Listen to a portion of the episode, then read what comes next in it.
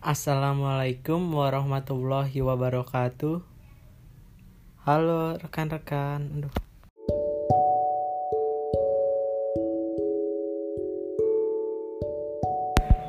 Assalamualaikum warahmatullahi wabarakatuh. Perkenalkan nama saya Dani Julio Prasetya dengan NPM 19510258. Saya berasal dari jurusan Manajemen Bisnis Syariah UIN Raden Intan Lampung. Baik, di sini saya akan membahas tentang implikasi kebijakan Indonesia dalam menangani kasus pencemaran lingkungan oleh PT Freeport terhadap keamanan manusia di Mimika, Papua.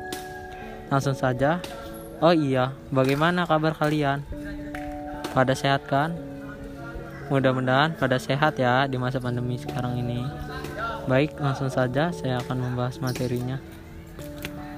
Globalisasi yang terjadi saat ini telah memperlihatkan dua dimensi yakni pertama dimensi ekonomi dan korporasi atau economic dan corporation globalization. Kedua, dimensi politik dan negara atau political and State Globalization. Kedua dimensi tersebut terlihat pada kebijakan yang diskenariokan dan didesain oleh negara-negara maju yang tergabung dalam G8 melalui tiga lembaga yaitu Lembaga Keuangan Internasional, Organisasi Perdagangan Dunia, dan perusahaan multinasional. Indonesia sebagai negara berkembang mulai didatangi berbagai investor asing Penanaman modal oleh investor secara tidak langsung menunjukkan prospek perkembangan ekonomi Indonesia yang membaik karena telah memenuhi standar investasi asing. Investasi diwujudkan dengan berbagai cara, salah satunya melalui perusahaan multinasional. Investasi asing melalui perusahaan multinasional ternyata tidak hanya memberikan dampak positif, tetapi juga dampak negatif bagi negara tempat perusahaan beroperasi khususnya kontribusi terhadap pencemaran dan kerusakan lingkungan yang terdampak pada ancaman keamanan manusia.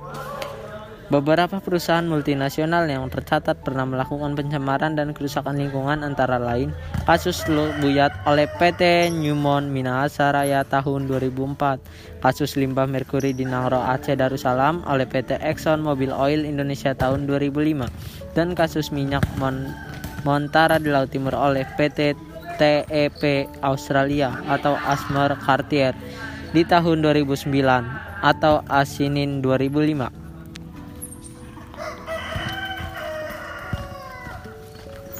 Masalah lingkungan hidup yang marak terjadi kemudian menjadi isu penting untuk dibahas dalam politik domestik maupun wacana global. Masalah lingkungan semakin kompleks dengan melibatkan perusahaan multinasional di mana membutuhkan pengambilan keputusan baik di tingkat negara maupun sistem internasional khususnya di bidang lingkungan.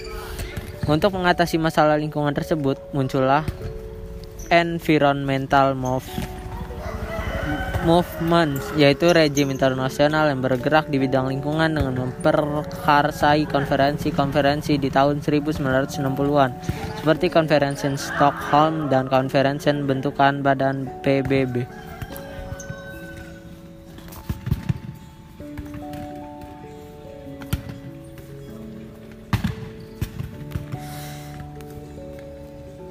Perusahaan multinasional lain yang ada di Indonesia yaitu PT Freeport Indonesia. PT Freeport merupakan anak perusahaan Freeport MC Moran Copper and Gold Inc yaitu perusahaan tambang internasional utama dengan pusat di Phoenix, Arizona, Amerika Serikat. PT Freeport beroperasi di Indonesia berdasarkan kontrak karya yang ditandatangani pada tahun 1967 berdasarkan Undang-Undang 19 Undang-Undang 11 per 1967 mengenai PMA. Berdasarkan KK ini, Freeport memperoleh konsensi penambangan di wilayah seluas kurang lebih 1000 hektar Masa berlaku KK pertama ini adalah 30 tahun. Kemudian pada tahun 1991, KK Freeport diperpanjang menjadi 30 tahun dengan opsi perpanjangan dua kali masing-masing 10 tahun. Situasi tambang PT Freeport berada di puncak gunung pada ketinggian 4.270 meter dengan suhu terendah mencapai 2 derajat Celcius. Dengan kondisi alam seperti ini, kawasan di bawah area penambangan PT Freeport mempunyai tingkat kerawat kerawanan tinggi terhadap bencana tanah longsor. Bencana tanah longsor di wilayah penambangan PT Freeport pernah terjadi beberapa kali sepanjang tahun 2004 sampai 2017. PT Freeport Indonesia selalu mengklaim bahwa Berbagai bencana yang terjadi di wilayah pengoperasian operasi di daerah dengan curah hujan dan aktivitas seismik yang tinggi. Namun, hal ini tidak menghalangi perusahaan meningkatkan kapasitas produksi dalam meningkatkan keuntungan. Dampak lingkungan terhadap kesehatan masyarakat dan penghidupan telah menjadi masalah yang terus-menerus di wilayah tambang PT Freeport dan telah banyak didokumentasikan di media nasional dan internasional. Di antaranya yaitu deforestasi dan polusi di mana tiling dibuang langsung ke sungai Aga Bagong lalu menyusut ke sungai Aikwa dan kemudian ke laut Arafara. PT Freeport Indonesia merupakan anak perusahaan Freeport, MC Moran, Copper, dan Golden In dan beroperasi di Indonesia berdasarkan kontak karya yang ditandatangani pada tahun 1967. Beroperasinya PT Freeport di Indonesia menunjukkan bahwa pemerintah telah memberikan wewenang secara legal bagi PT Freeport untuk melakukan penambangan dengan pertambangan dengan telah memenuhi persyaratan beroperasinya perusahaan berdasarkan undang-undang yang berlaku di Indonesia. Kasus pencemaran lingkungan oleh PT Freeport telah bergulir sejak tahun 2000 di mana telah terjadi pendangkalan sungai serta tanah longsor yang memakan korban jiwa serta di sekitar tambang. Kemudian tahun 2006 LSM Wahana Lingkungan Hidup atau WALHI merilis laporan tentang dampak pertambangan PT Freeport berdasarkan sejumlah laporan pemantauan oleh pemerintah dan perusahaan yang tidak dipublikasikan untuk umum. Laporan tersebut memaparkan dampak pencemaran dan kerusakan lingkungan oleh PT Freeport di udara, air, kerusakan lingkungan, serta menyalahi ketentuan AMDAL di luar wilayah yang telah diatur. PT Freeport telah mencemari lingkungan akibat limbah sisa pertambangan, air sungai, pengendapan, pengendapan sedimen, kandungan limbah logam dan berbahaya, serta penggunaan serta program kinerja pengelolaan lingkungan hidup. Perusahaan tersebut membuang tiling dengan kategori limbah B3 atau bahan beracun berbahaya melalui sungai melalui sungai Azkawa. Sungai Azkawa melampaui Buku Mutu Total Suspend Solid atau TSS yang diperbolehkan menurut hukuman Indonesia. Limbah tiling PT Freeport juga telah mencemari perairan di muara Sungai Azkawa dan mengontaminasi sejumlah besar jenis makhluk hidup serta mengancam perairan dengan air asam tambang berjumlah besar. Dari hasil audit lingkungan yang dilakukan oleh parametrik terungkap bahwa tiling yang dibuat tiling yang dibuat dibuang PT Freeport merupakan bahan yang mampu menghasilkan cairan asam berbahaya bagi kehidupan akuatik. Pencemaran air yang dilakukan oleh PT Freeport telah melanggar Undang-Undang Nomor 7 Tahun 2004 tentang Sumber Daya Air Pasal 4.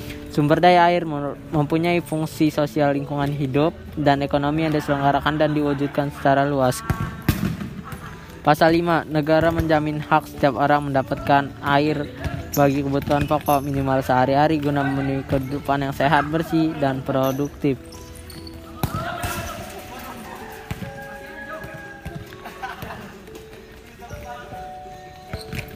Kekurangan sumber daya bisa melemahkan atau menguatkan posisi atau potensi kekuatan negara. Masalah lingkungan tidak akan secara langsung menyebabkan timbulnya kekerasan tetapi setelah melewati periode yang periode yang lebih panjang soal tersebut sangat mungkin berinteraksi dengan tekanan-tekanan lingkungan hidup dan demokrasi serta menambah ketegangan. Peneliti EPS menyimpulkan bahwa kelangkaan sumber daya lingkungan hidup dapat berinteraksi dengan faktor-faktor seperti tadi untuk kemudian menyebabkan efek-efek sosial yang signifikan seperti kelangkaan sumber daya sumber daya, lingkungan bisa memperburuk perpecahan sosial, menciptakan segmentasi sosial baru, atau juga meningkatkan konflik antar kelas maupun etnik.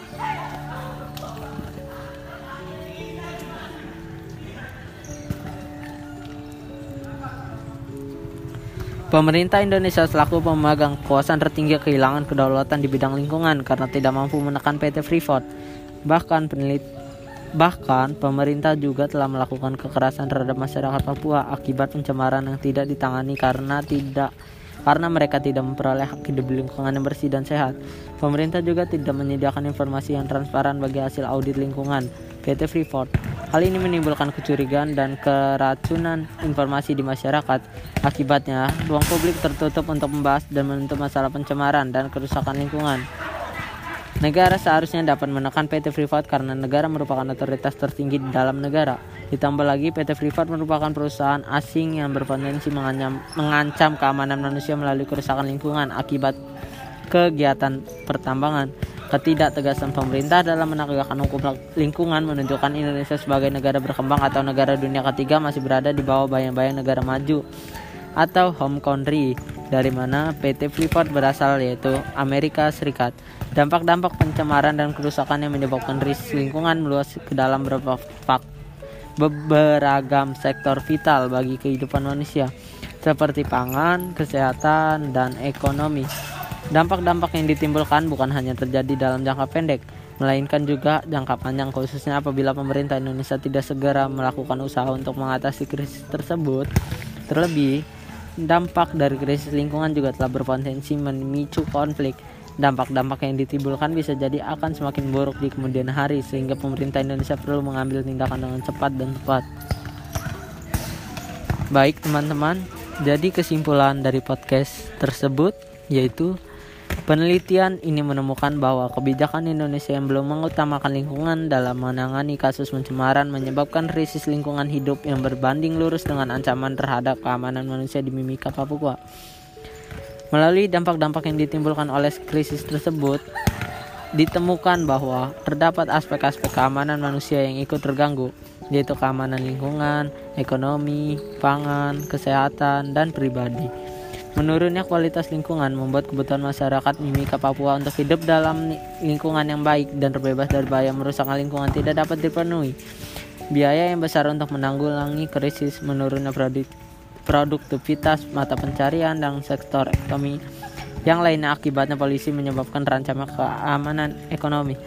Polusi udara, air, dan tanah yang menjadi konsumsi harian masyarakat mengancam keamanan kesehatan karena mengandung logam berat dan terdapat pada timbulnya beragam penyakit seperti gangguan pernapasan, pencernaan, dan kematian prematur. Terima kasih untuk materi hari ini. Saya akhiri wassalamualaikum warahmatullahi wabarakatuh.